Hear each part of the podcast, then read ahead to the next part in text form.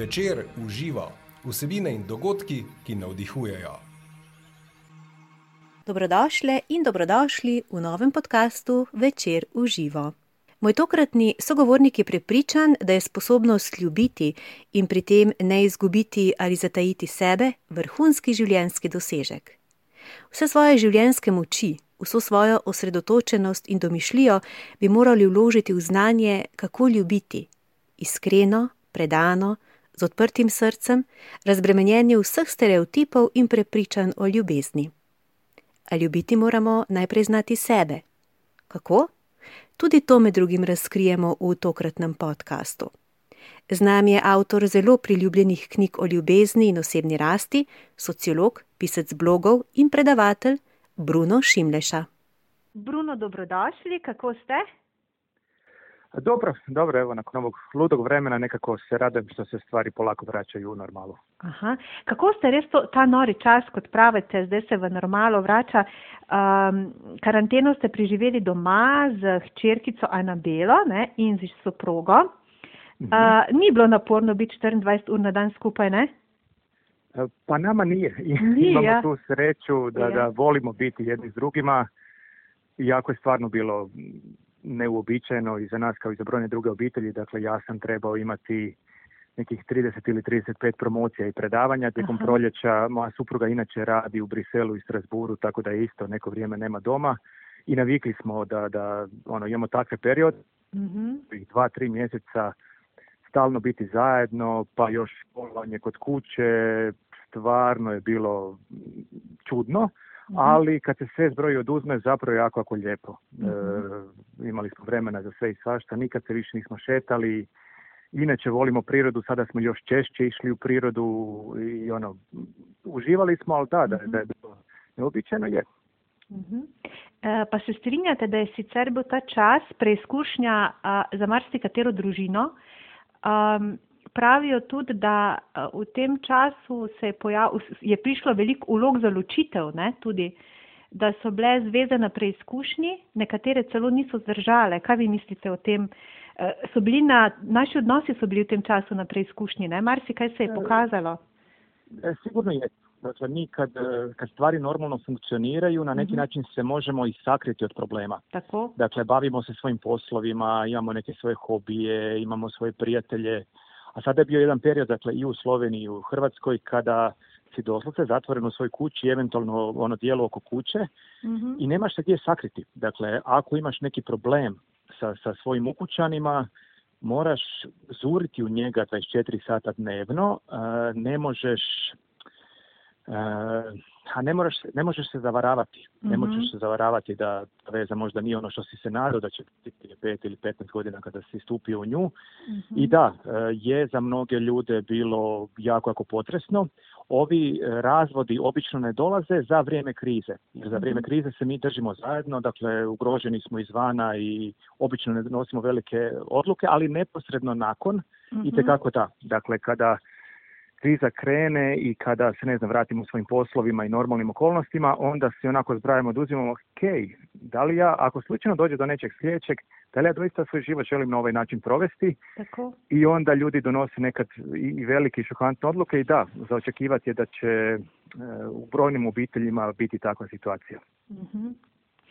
Um, uh, no, gospod Bruno, uh, vi ste avtor številnih uspešnic tudi pri nas, knjižnih na temo ljubezni in vas kar nekako smo vas že mi, bravci, označili za uh, strokovnjaka za ljubezen, ne? Mhm. da jo poznate vseh uh, v njenih otenkih. Pa me zanima, kako se je v bistvu ta zgodba začela, kako ste vi začeli predavati, sploh pisati um, na to temo. Kdaj je bil tisti aha moment ali pa nek trenutek, da, da ste rekli, to moram pa predati med ljudi, neko vedenje, modrost, znanje. Pa ja, ja e, mislim razmišljam o onako velikim životnim temama od kad znam za sebe. E, ali da, nisam sad, ne znam, 4-5 godina došao do nekih velikih O ja. otkrića i velikih odgovora. Proces, ne? Tako da sam svoju zapravo prvu knjigu e, počeo pisati pred kraj fakulteta. Mhm. Studirao sam e, sociologiju. Mhm. Paralelno uz nju proučavao dosta i psihologiju i filozofiju, pa i religiju i duhovnost. I nekako se rodilo vrijeme da sva ta moja nekakva razmišljanja o tome tko mi jesmo, zašto uopće ovdje živimo, kako usuglasiti taj neki duhovni dio u nama i ovaj materijalnu egzistenciju, zašto smo se uopće rodili, dakle koji je smisao uopće ovog našeg mm životnog putovanja. Dakle, prva knjiga je bila onako malo više filozofski nastrojena. mm A, a onda kasnije knjige kako su se zaredale, ne znam, promocije, predavanja i sve to su malo više bile svakodnevnije u smislu da govore o odnosima, o ljubavi, o odgoju, dakle onim nekim stvarima, jer ljudi su često reagirali kad su pročitali tu prvu knjigu, ok, jasna mi je sad teorija, dakle da, ne mhm. naša duša je ljubav ili mi smo došli ovdje da bismo živjeli ljubav, ali kako da ja to kao, ne znam, samohrana majka, sam, ne znam, vječno ljuta što sam samohrana majka ili mhm. povrijeđena i dalje zbog nečega prije 15 godina, kako da ja to sada živim, kako da ja ono, to, to doista i osjetim i onda sam počeo imati sastanke jedan na jedan sa ljudima. mm Prije sada već pa 16, 17, 18 godina, već je to sad jako, jako mnogo. I iz toga su se zapravo rodile kasnije knjige. Dakle, kad sam sa konkretnim ljudima govorio o konkretnim problemima i trudio se doći do nekakvih smislenih rješenja. Dakle, moje knjige nisu ono, ne znam, vjeruj da ćeš biti dobro pa ćeš biti dobro, samo, ne znam, meditiraj pet sati dnevno pa će se sve riješiti. Dakle, mhm. trudim se naći neku zdravu mjeru između psihologije, primijenjene psihologije i duhovnosti. I mislim da, da za sad solidno uspjeva. No sej, to, to ste zdaj dali odlično istočnico. Um, pravite da nekatere duhovne knjige oziroma duhovna literatura žali našo inteligenco, predvsem v smislu uh, pretvarjaj se, uh, uh, fake it until you make it, ne, v, tem, uh, v tem stilu, pretvarjaj se, dokler to zares ne doživiš mhm. oziroma kako realiziraš oziroma manifestiraš. Povejte, vi, vi govorite o tem, vi k tej duhovnosti pristopate na nek drug način, ne? oziroma zrelo, modreje. Um, lahko mogoče na kratko nekaj besed o tem temu namenima. Mhm. Mislim, za koga? Neko, za nekoga ne nastupam mudreje i, i zrelije, ali da, meni se čini da, ja, ja se trudim zdravorazumski pristupati apsolutno bilo kojoj temi i slažem se sa teorijom zakona privlačnosti ja. u smislu da Ko? Naše misli jesu važne. Dakle, ja sa svojim doživljajem sebe doista mm mogu privući ili odbiti neka iskustva. mm Ja, ovisno o tome da li ja, ne znam, volim sebe ili da li ja mislim da zaslužujem ljubav ili da li ne znam, živim ispunjen sa stresom ili ispunjen sa radošću. Dakle, da, moj unutarnji život je jako, jako važan faktor za ono što će se meni događati. Dakle, teorija u smislu da slično privlači slično mhm. i da određene misli mogu privući neka iskustva, ja se s time slažem. Ono s čime se ne slažem je da se to nekada tako banalno promovira u smislu, ne znam, želite li privući partnera, Tako in potem že za dvoje. No to, ja. Uh, dakle, doma si sam na večeri i, i mhm. sad moraš spremiti ono jedan odrezak za njega i jedan odrezak za sebe i onda poslužiti to isto uh-huh. na praznom stolu jer će tako svemir nekako procijeniti da si ti spreman za njega. Dakle, premisa, uh-huh. premisa je da uh, naš mozak ne zna razliku kad je nešto stvarno doživljeno, a kad je nešto zamišljeno. I onda ako se mi pravimo da smo, ne znam, zdravi dok smo bolesni ili se pravimo da smo u vezi dok nismo ili se pravimo da imamo posao snova iako ga zapravo ne, nemamo, da ćemo mi nekako emitirati takvu energiju. Mhm. Ja se slažem čak s tim da će jedan dio nas emitirati takvu energiju, ali to nije jedino što mi emitiramo. Mhm. Dakle, recimo, vi možete sad zamišljati tog nekog savršenog partnera,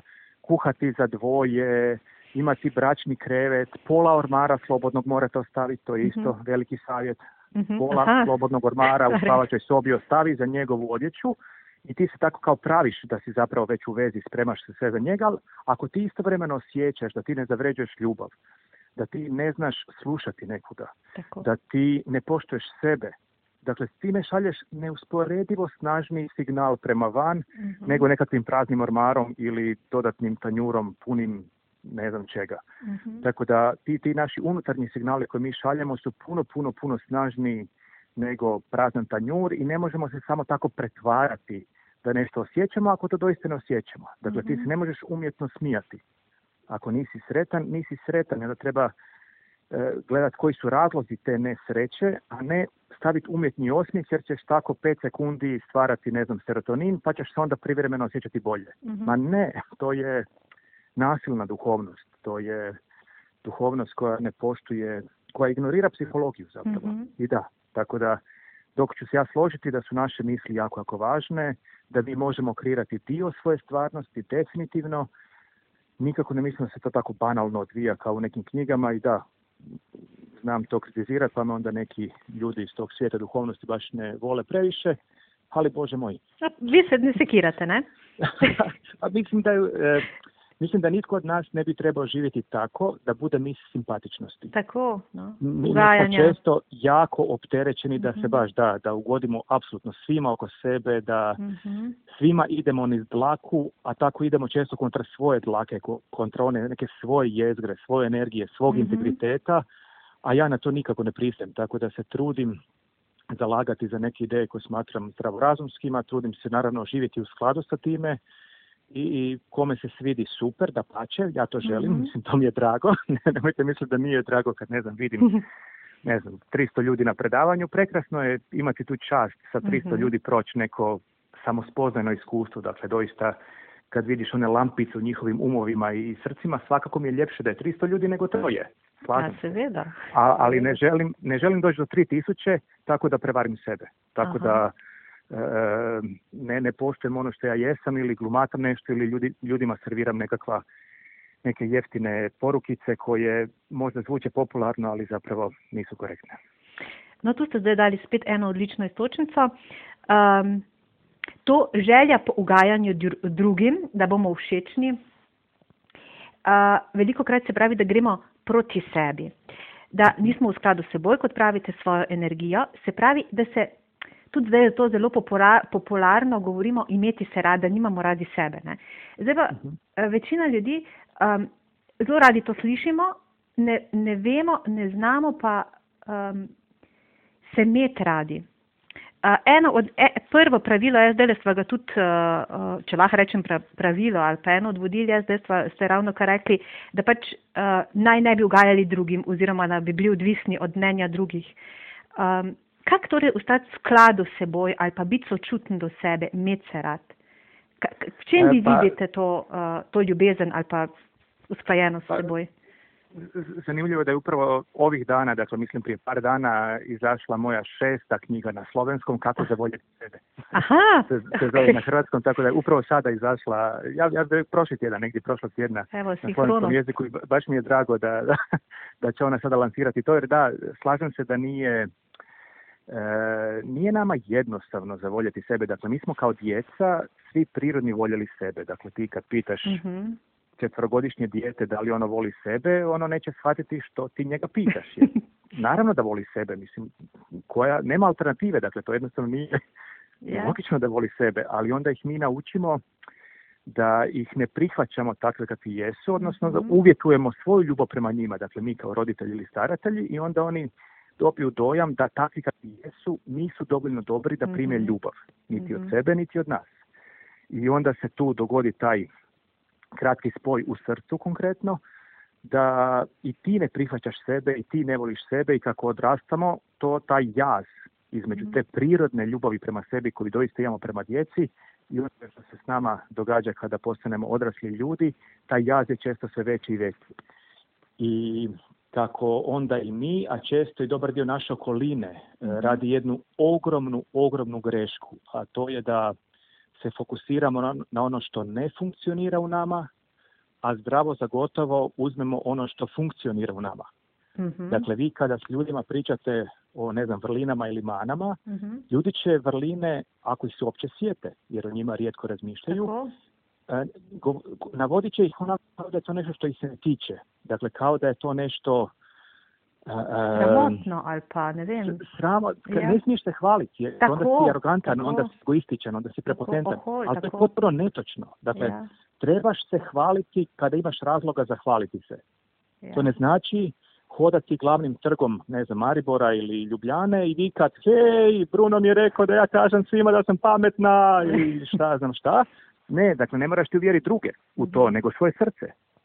Dakle, naše srce je zaboravilo osjećati ljepotu zbog onih divnih vrlina koje imamo u sebi. Mhm. Većina naše okoline nas nije na taj način tretirala. Mi smo to onda počeli uzimati pravo za gotovo i jedan od ključnih zadataka nas kao odraslih bića je da se podsjetimo kako je to ponovno cijeniti ono prekrasno u sebi, kako je to osjetiti zahvalnost i ponos zbog nečeg divnog što imamo u sebi, a onda se bacimo na probleme. Dakle, opet ja neću tvrditi kao u nekim knjigama ne znam, samo mislite pozitivno pa će sve biti lijepo. Ma ne, to je isto zavaravanje. Ne, nije- ne, ne kažem da zanemarite neke problematične stvari u sebi, samo kažem da kad doživljavamo sebe, kad razmišljamo o sebi, da krenemo od onoga što je dobro, što je izvrsno, na što možemo biti ponosni, da uživamo u tome, da nam se srce e, e, razbukta od ljubavi prema Mhm. sebi.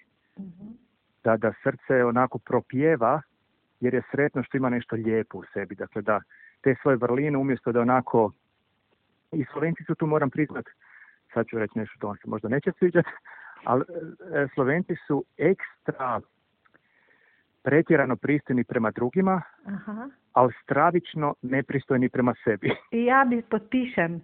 Dakle, Mhm. ti, ono, nepristojni prema sebi u Mhm. smislu da toliko se misli na to da nešto krivo ne naprave, da su pristojni, da su u očima drugih takvi kakvi trebaju biti, u očima društva takvi kakvi trebaju biti, a, a često onda sebe i svoje potrebe stave na 15. ili 17. mjesto. Mhm. E, ne kažem sad svi Hrvati nužno drugačiji, Srbi pak su opet malo, oni, oni su pak na drugoj kontri, oni, oni, oni sebi jako vole ugađati i, i ono, naravno da će se pohvaliti kad treba i na sav glas. Malo drugačije, Hrvati su negdje u sredini što se tiče kulturološki, naravno ima razlika u pojedincima, ali onako generalno kad gledamo Ja, društva, narod. da. A, tako da što se toga tiče, e, divna je ta slovenska organiziranost, ozbiljnost, predanost, ciljna orijentiranost, ali da bi mogli biti malo nježniji prema sebi, da bi mogli malo više cijeniti sebe, da tu ima prostora za napredak. Sej, uh, kak se vi počutite, ko pridete k nam? Uh, dobro, ne? No. Slovenska publika. Pre, evo, gledaj, Kljub temu, da smo dakle, kritični in zahtevni. E, za- e, meni se sviđa ta zahtjevnost. Dakle, meni se sviđa to što e, oni žele value for money, žele value for time. Mhm. Dakle, ti, ti Mhm. kad, ono, ne znam, Slovenac je za neko predavanje odvojio, ne znam, 20 eura ili Mhm. dva sata i on želi dobiti nešto za uzvrat. I to je sasvim u redu. Dakle, u redu je biti zahtjevan u tom kontekstu, ali i oni su spremni raditi za to. Dakle, ono što ja znam e, navoditi, dakle, kad ja imam neku slovensku promociju, Mhm. Ja si obavezno sljedeće jutro stavim slobodno, jer kako su pozitivno ludi Slovenci, oni odmah tu večer kupe knjigu i odmah je počnu čitati i odmah sljedeće jutro imaju pitanja. A ja. I to je nevjerojatno, dakle to se ne događa u Makedoniji, ne, ne događa se u Zagrebu, ne događa se u Beogradu, redovito se događa u bilo kojem slovenskom Slovenskom. gradu. I ja onda znam kako imam intenzivan raspored, ako odmah ne odgovorim, postoji mogućnost da ću jednostavno da neće biti kasnije jer će doći novi mailovi, nove neke obaveze, tako da si doista ostavljam jutra slobodna jer oni su odmah spremni e, truditi se oko sebe, dakle gledati šta mogu napraviti, šta Mhm. trebaju napraviti sa tim svojim unutarnjim svijetom i taj dio predanosti mi se jako, jako sviđa. Jako mi se sviđa što su toliko ozbiljni u vezi osobnog rasta i razvoja, to je fantastično. Ali da, da bi trebali možda malo više razmišljati o toj zdravoj e, emociji prema sebi, pa čak i o razvijanju emocionalne inteligencije, e, malo su, malo su možda prestrogi, da. Smo, ne, ja, sej. Sej, tu, tu, bi, tu se bi kar strinjala. Uh, Bruno, povejte mi tole, kdaj ste pa vi začeli pri sebi odkrivati, ali, ali to že vi od malega znate prepoznavati v sebi lepo, dobro, pozitivno, um, ali se je to zgodilo skozi leta, ali je bil en konkreten moment? Pa ne, ja, ja ne mislim da su ono, one velike promjene nužno stvar onako jedne noći kada se Aha. promijeni cijeli život. Mislim da Mhm. kod, se kod većine ljudi to mijenja kad se skupi onako 60 noći, pa onda 61. bude ta možda ključna. E, e, tako da e, ja se od malena pitam što trebam raditi kako da budem mudri, kako da budem više svoj, kako da budem dosljedniji. I, i u, trenutku kada sam shvatio da, da moram tu neku teoriju provesti do prakse, sam shvatio da, da doista trebam poći od sebe, ali to je zapravo, to su temelji pozitivne psihologije, dakle to nije nešto što sam ja izmislio, jer kada su psiholozi zapravo shvatili da se oni mahom bave ne znam, tjeskobom, depresijom, bipolarnim poremećajem i, i strahovima i naravno svime što se treba baviti, mhm. ali da se gotovo uopće ne bave srećom, da se gotovo uopće ne bave zahvalnošću, da se ne bave rješenjima nego samo problemima. Shvatili su da je to krivo posloženo i ako je psihologija to shvatila prije 20 godina, meni se čini da bismo i mi to mogli shvatiti danas, da tako onda doista počnemo doživljavati sebe. Tako da prve ideje toga su se pojavile još dok sam bio na fakultetu prije 25 godina, a, a trebalo mi je dosta godina da postanem dobar u praksi.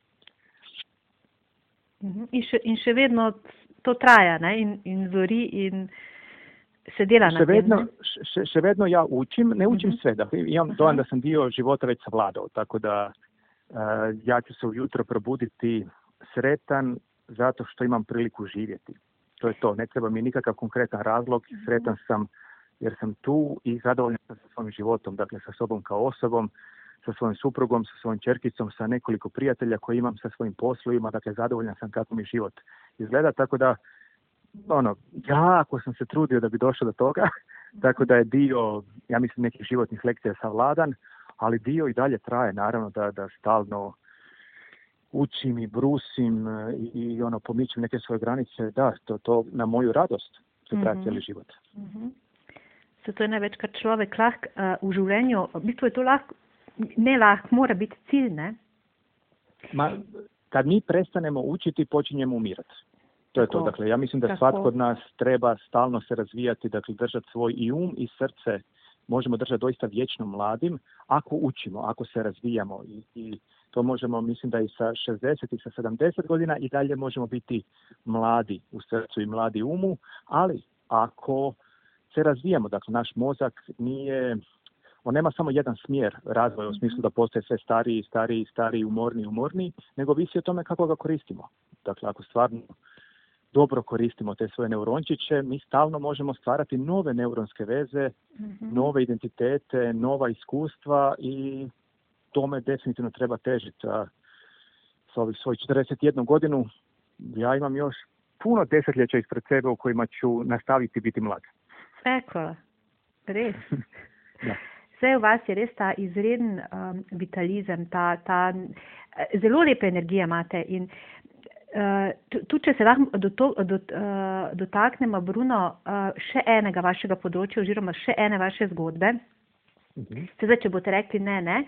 Uh, vi ste velika podpora oziroma močna podpora tudi uh, onkološkim bolnikom. Uh -huh. um, uh, in uh, se lahko mogoče dotakneva tudi vaše izkušnje, zdaj, če ste za to uh, kot deček, kot koliko ste bili stari, ko ste zboleli? E, bio sam beba. Bio sam, u prvim godinama je bilo najgore. Ja, zdaj me pa sam, a veste kaj, men, ne vem iz kjere knjige, kje sem to prebrala, um, ta moment, uh, ko ste vi začutili to ljubezen, brezpogojno ljubezen zdravnika, takrat, uh mhm. -huh. ne?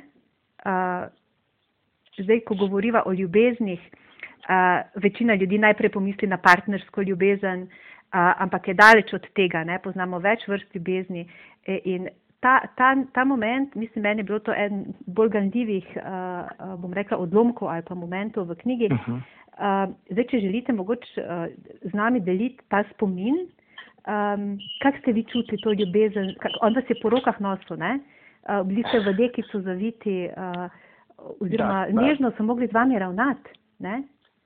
Pa e, je, to, to je, dakle ja sam kao dijete, kao beba imao dosta težak oblik trombocitopenije. Mm-hmm. To je specifična bolest krvi kada e, jednostavno ne stvaraš dovoljno trombocita mm-hmm. i krv ti se ne može zgrušati ako se i udariš ili, a ne do bog porežeš naravno. Mm-hmm i, i moj doktor koji je bio vrhunski uh, onkolog i hematolog uh, u Zagrebu je imao nekakav poseban odnos prema meni. Ja se sjećam tog vremena vrlo, vrlo živo. Uh, još uvijek se sjećam, dakle ono što neuroznanost kaže da se ja ne bi trebao sjećati tog vremena, ali ja se sjećam tog vremena da je on redovito dolazio po mene, dakle ja sam bio u kinderbetu koji je bio savomotan, ja sam to sa 500 sleva dekice koje je ono bilo oko mene i stvarno smo svi morali jako, jako nježno e, tretirati, ne smiješ ni stisnut, mm-hmm. ono jednostavno onako osjećaš se kao oblačak nekakav, e, ali on je bio posebno e, posebno nježan i vrlo, vrlo prisutan. Ne znam da li imao takav tretman prema svim pacijentima, ali mhm. znam da je imao prema meni, tako da sam se već počeo radovati kao mala bebica. Čim sam čuo njegove korake da idu prema meni, sam već počeo onako, sjećam se te radosti u sebi, sjećam se tog crta koje je skakalo iz tog kinderbeta i on me redovito uzima u svoje ruke, nosi u svoj ured, priča o svojim ribicama. Aha, akvari. Tako da smo stali, da, sjedili smo, ja sam bio u njegovom naručju, imao je onaj prekrasan bariton, dakle onaj divan, divan, e, muški, snažni, lijepi bariton, a u pozadini e, iznimnu nježnost. Tako da ta kombinacija snage i nježnosti ja, ja se doista kupao u tome. Ja sam, mhm. ja sam dan danas uvjeren da je to bila moja terapija. To sam hotla reći. Uh, da, je, on, on, je vrhunski liječnik, ali u to vrijeme baš nije bilo nekih osobitih tretmana za tu moju vrstu uh bolesti, tako da vjerojatno je pokušavao nešto, ali ja sam duboko uvjeren da je to bio onaj ključan sastav, faktor, uh, sastojak moje terapije i da je to razlog zašto sam se na kraju krajeva izvukao. Tako da ja ću vječno biti zahvalan svom doktoru Tiefenbachu.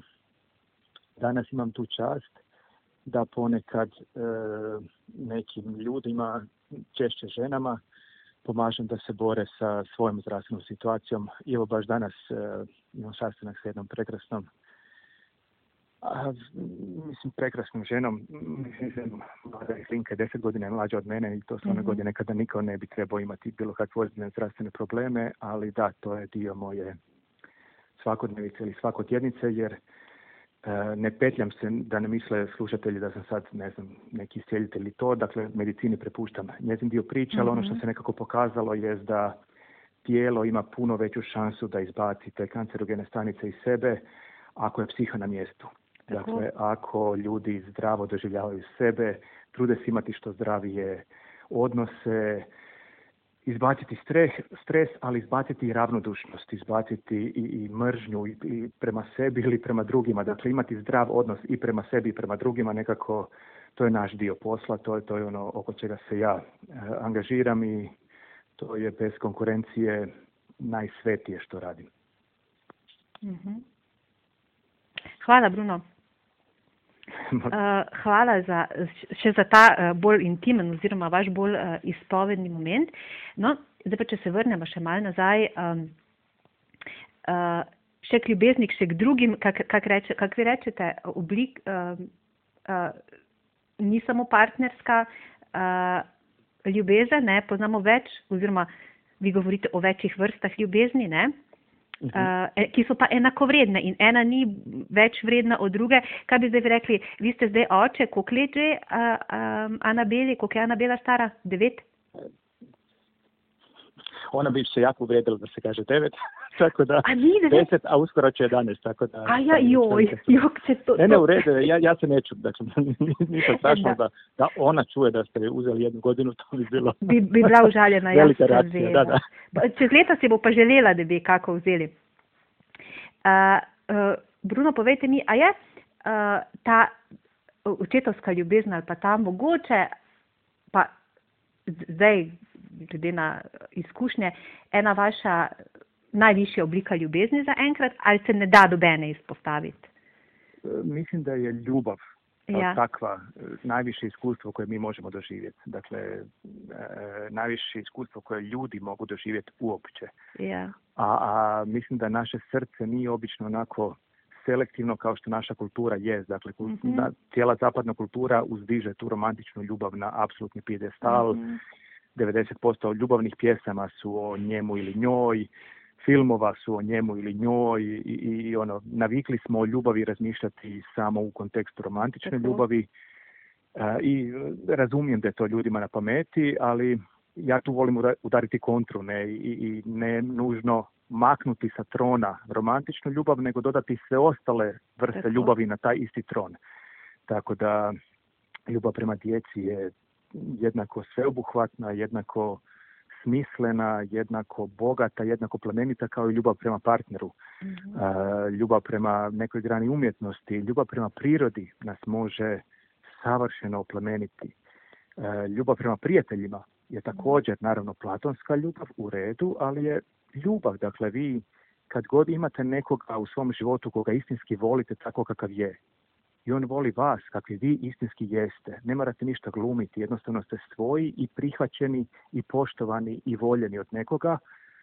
E, to, to je d ljubav, to je ona apsolutna velika, najveća moguća ljubav i mene e, jako jako muti kad mi sve te ostale ljubavi nekako omalovažavamo jer mislimo da su oni manje važne. Nisu, nisu, ono ne znam, ljudi znaju reći pa nemam trenutno nekog posebnog, ali barem volim svoju djecu. mm tako. To je, to, to je odvratno za reći. To, je, to, tako ružno. Prema ljubavi, prema sebi, prema svom srcu je tako ružno reći barem volim išta. Ono, barem volim svoju djecu. To, to je baš tako malovažavamo plemenitost te ljubavi. Tako da, uh, jer mislim da je ljubav uvijek to nešto posebno. Ljubav prema bilo kome i prema bilo čemu. Dakle, prema djeci, hvala Bogu da je, prema prijateljima i kako. Mislim, većina ljudi čak ima čišće ljubavne odnose prema prijateljima nego prema partnerima, zato što pametnije biraju prijatelje nego što biraju partnere. Tako da većina ljudi čak čišći, čišće emocije i snažnije nekad emocije imaju prema prijateljima. Tako da ne bih nikako htio da se netko osjeća neuspješnim u životu ili neuspješnim u ljubavi, samo zato što možda trenutačno nije u partnerskoj vezi. In tudi, vse eh, ste že rekli, ne, eh, brezpogojna ljubezen se pravi v ljubezni, tudi v partnerski ni prostora za, eh, za postavljanje pogojev. Ne. In tudi ni prostora, ženske veliko krat rečejo, da bojo partnerja spremenile. Ne. In vi pravite, da ne gre, moški nismo glina. Da, pa je, je, to, to, to sem v svojoj Eh, sad zadnji predvodnoj knjizi koja je na slovenskom objavljena Resnice iz zmote o ljubezni mm. objašnjavate neke muško-ženske razlike i da ništa se ne tiče svih žena i svih muškaraca. Seveda, ne pospušujemo se. A, naravno, da. A, svih Slovenaca i svih Hrvata, dakle nema generaliziranja, ali možemo govoriti o tome čemu su jedni skloni, mm dakle da li smo više ili manje skloni i da žene puno češće ne biraju muškarce prema tome kakvi oni jesu danas, nego prema tome kakvim se oni mhm. nadaju da će postati. Tako. Kao, kao da to, kako ste rekli, da smo mi kao nekakva glina, i onda gledaš samo da li je taj muškarac dovoljno dobar model da bi ti njega mogu oblikovati da on postane ono što ti misliš da on treba biti. Ja. Dakle, biraš ga sa nadom da će, ti se, da će ti se nakon što ga dovoljno promijeniš eventualno svidjeti.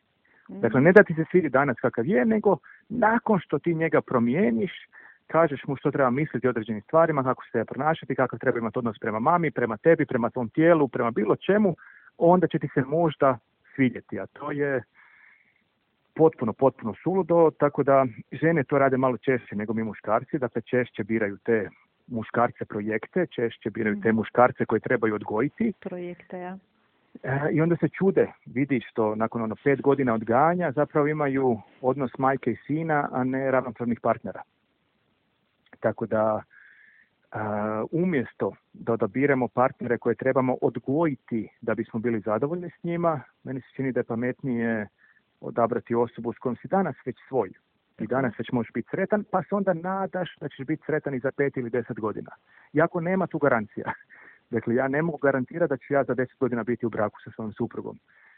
Mogu garantirati da ću se maksimalno potruditi da budem u braku. Mogu garantirati da ću dati sve od sebe, ali hoćemo li biti, stvarno ne mogu biti 100% siguran, ali ono što jesam 100% siguran je da danas želim biti s njom takvom kakva je, a ne da se ona mora promijeniti da bi ja bio sretan s njom, jer a mnogi su imali takve ideje na ono, svadbenom danu, tako da ono, uh, tu si baš kompliciramo život, tu si baš kompliciramo život. Zelo. Zelo, da, en, od, en od momentov, kjer si kompliciramo, ne? Um, Bruno, še mogoče, uh, več so že mal pri tem moško-ženska relacija uh, v partnerskem odnosu. Uh -huh. uh, ženske drugače gledamo oziroma dojemamo koncept ljubezni, uh, te partnerske, v partnerski govorim kot moški, uh, predvsem v smislu komunikacije o, o problemih, recimo, oziroma o težavah. Uh, mm -hmm. um, vi, oziroma vsi strokovnjaki, tudi vi pravite, treba je komunicirati vse čas, se o težavah pogovarjati vse čas. Ampak že je nek tipičen moški, zdaj tipičen, se, to, se ne sliši najlepš, ampak uh, moški teže komunicirajo. Jaz sem rekla, vi vem, da, da, komuni, da, da se pogovarjate, da se znate pogovarjati. Um, ampak uh, načeloma pa moški teže govorijo o problemih. Zakaj? Rajš, zakaj mislite, da je temu tako? Oziroma, ali, ali to bi se jih izognili, ali oni jih uh, znotraj sebe znajo rešiti? Ali ženske... Jer imamo još šest sati vremena da porazgovaramo ozbiljno o tome, da stignemo pa no. odrediti zašto mi se imamo probleme. E, e, da, muškarci puno, puno teže razgovaraju o svojim problemima. E, ja mislim da nema to veze s našom biologijom u smislu da smo mi nekako biološki kondicionirani jer nemamo dovoljno ne znam, ili ne znam čega da, da se otvorimo ili budemo emotivni. Mislim da nije stvar u tome. Mislim da smo mi od malena odgajani mm da uvijek pokazujemo snagu. Moški, ja da, da ne priznajemo slabost, da ne priznajemo da nešto ne možemo. I, i, i razumijem za nekakva pećinska vremena da je to bilo jako, jako korisno, e, da, da muškarci tada nisu trebali razgovarati o svojim emocijama ili priznati si da su ranjivi ili da nešto ne znaju ili ne mogu, jer smo tada bili ratnici. Dakle, tada si mm-hmm. trebao stalno i doista pokazivati tu snagu i doslovce se boriti za goli život. Yeah. Danas, e, ono što nas je tada činilo snažnima, danas nas zapravo čini slabima. Jer ti danas ako ne znaš prepoznati svoje emocije i emocije ljudi oko sebe, ti si slab. Ti slabo funkcioniraš u ovome društvu jer danas više nema tih fizičkih prijetnji koje je bilo prije i nema više razloga da je taj ideal kao muškarca onaj tih i snažan. Ma on je tih zato što nema šta za reći, a ne zato što ima neke mitske dimenzije u sebi koje, koje ono žene, ja ću njega otvoriti, spoznati i on će se meni neće, on šuti jer ti nema šta reći čovječe. Dakle, ako šuti, odi sa strane, nađi nekog ko ono zna reći kako se zove, što osjeća, zašto to osjeća i što bi htio napraviti sa svojim životom. mm Tako da, nas od malena generalno odgaju da nije u redu izražavati svoje emocije, mi muškarci ne smijemo plakati.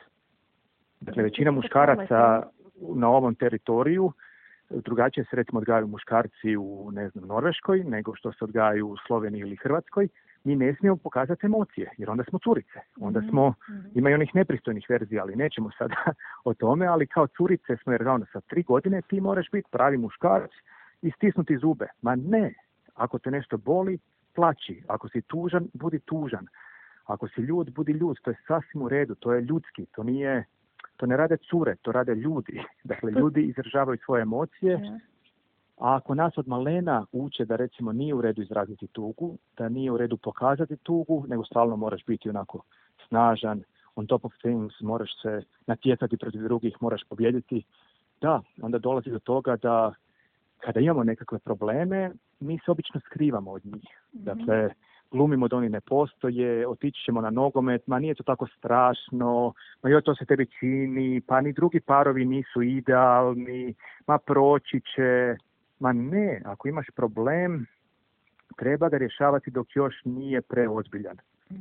Dakle, većina nas i u brakovima, dakle ja, a i brojni moji prijatelji koji su bračni terapeuti, nama najčešće dolaze parovi pet godina prekasno deset godina prekasno nekada. Po, dakle, čem dolaze, vidite? Da je prepoznao? Kako se to e, pokaže? Dolaze već kad e, već toliko ispovređivali, mm toliko odustali od odnosa. Najčešće na bračnu terapiju dolaze parovi koji dolaze onako po zadnji očajnički pokušaj. mm Ajde sad idem kod, ne znam, te psihijatrice ili tog terapeuta, da ono, da nas on spasi, ako ne može, on ne može nitko. Nakon što već, ne znam, pet godina živimo kao cimeri, nakon što sedam godina nismo imali iskren razgovor ili smo imali jako, jako brutalne razgovore gdje smo se onako, gdje su nam se srca razdirala do, do jezgre. mm Tako da ja mislim da probleme i osobne i partnerske i poslovne, bilo koje, treba rješavati dok su onako u povojima, dok tek nastaju. E, a kad muškarci ignoriraju te probleme, onda ono obično čekamo i čekamo i čekamo, lažemo si da nisu tako veliki kako jesu i onda nam da eksplodiraju u lice i najčešće je prekasno. Um, se ste že malo prej tudi omenili, ampak dobro, da se vrnem. Um, za neko dobro komunikacijo, uh, ki je podlaga lahko nekemu kakovostnemu partnerskemu odnosu, je treba znati biti tudi tiho, ne? oziroma da znamo uh mhm. -huh. skupaj molčati, biti uh mhm. -huh. tiho, ne? oziroma se poslušati. Apsolutno, mislim, gledajte, mi, mi generalno u životu previše pričamo, premalo slušamo. Premalo poslušamo, ja. Generalno. Uh-huh. E, tako i u, u, u odnosima. Dakle, mi toliko često pretpostavljamo što nas partner misli ili što on osjeća, umjesto da ga samo slušamo. Yeah. Dakle, da, da damo jednu, dvije, tri minute da, da partner nešto izloži, kaže kako se osjeća. Mi obično reagiramo, ali ne, ne, ne, nisam ja to, a ne, ne znam, zašto se tako osjećaš? Dakle, obično napadamo samo kada nam govore kako se osjećaju i to, to je, e, to ubija komunikaciju i ubija slušanje i ubija i osjećaj povezanosti između dvoje ljudi. E, tako da slažem se da, da dobri parovi doista znaju, kako, kao što ste rekli, i šutjeti mm. zajedno, znaju biti zajedno, znaju se znaju komunicirati i ne riječima, nego onako pogledom i dodirom. Tako, neverbalno, ja. Sve, apsolutno.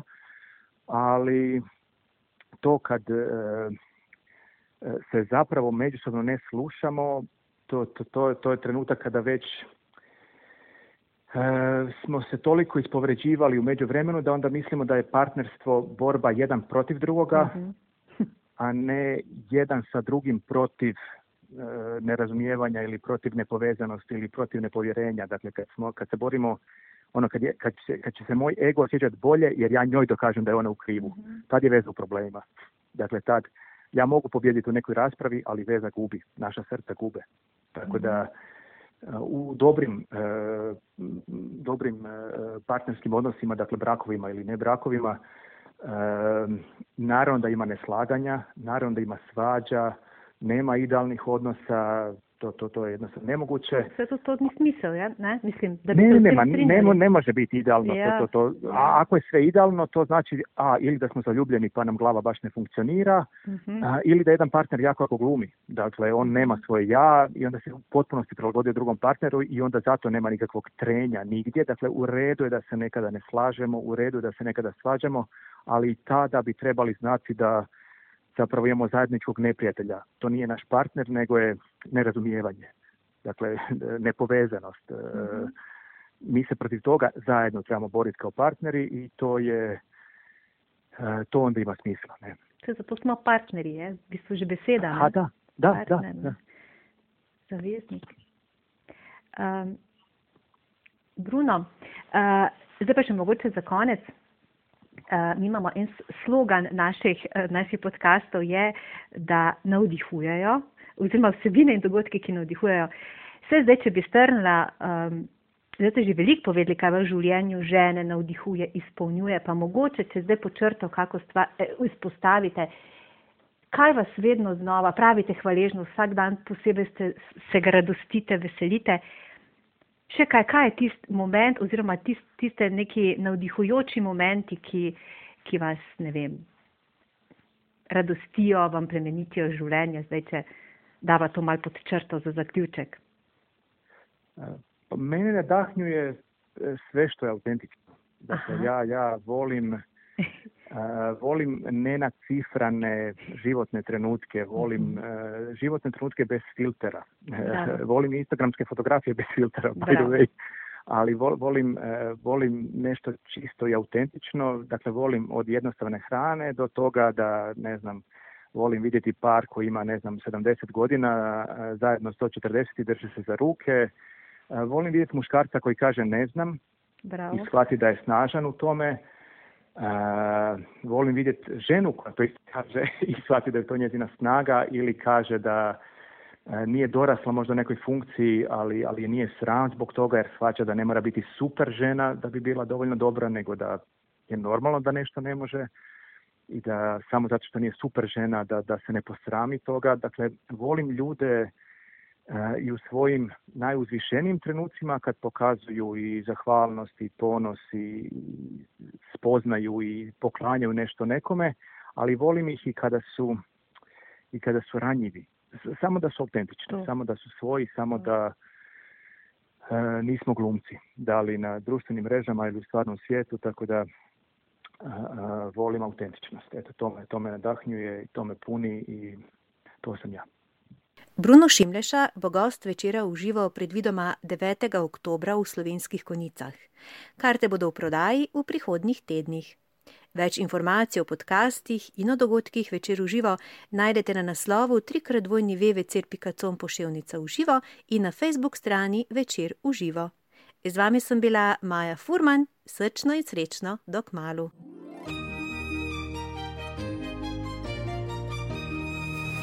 Večer uživa vsebine in dogodki, ki navdihujejo.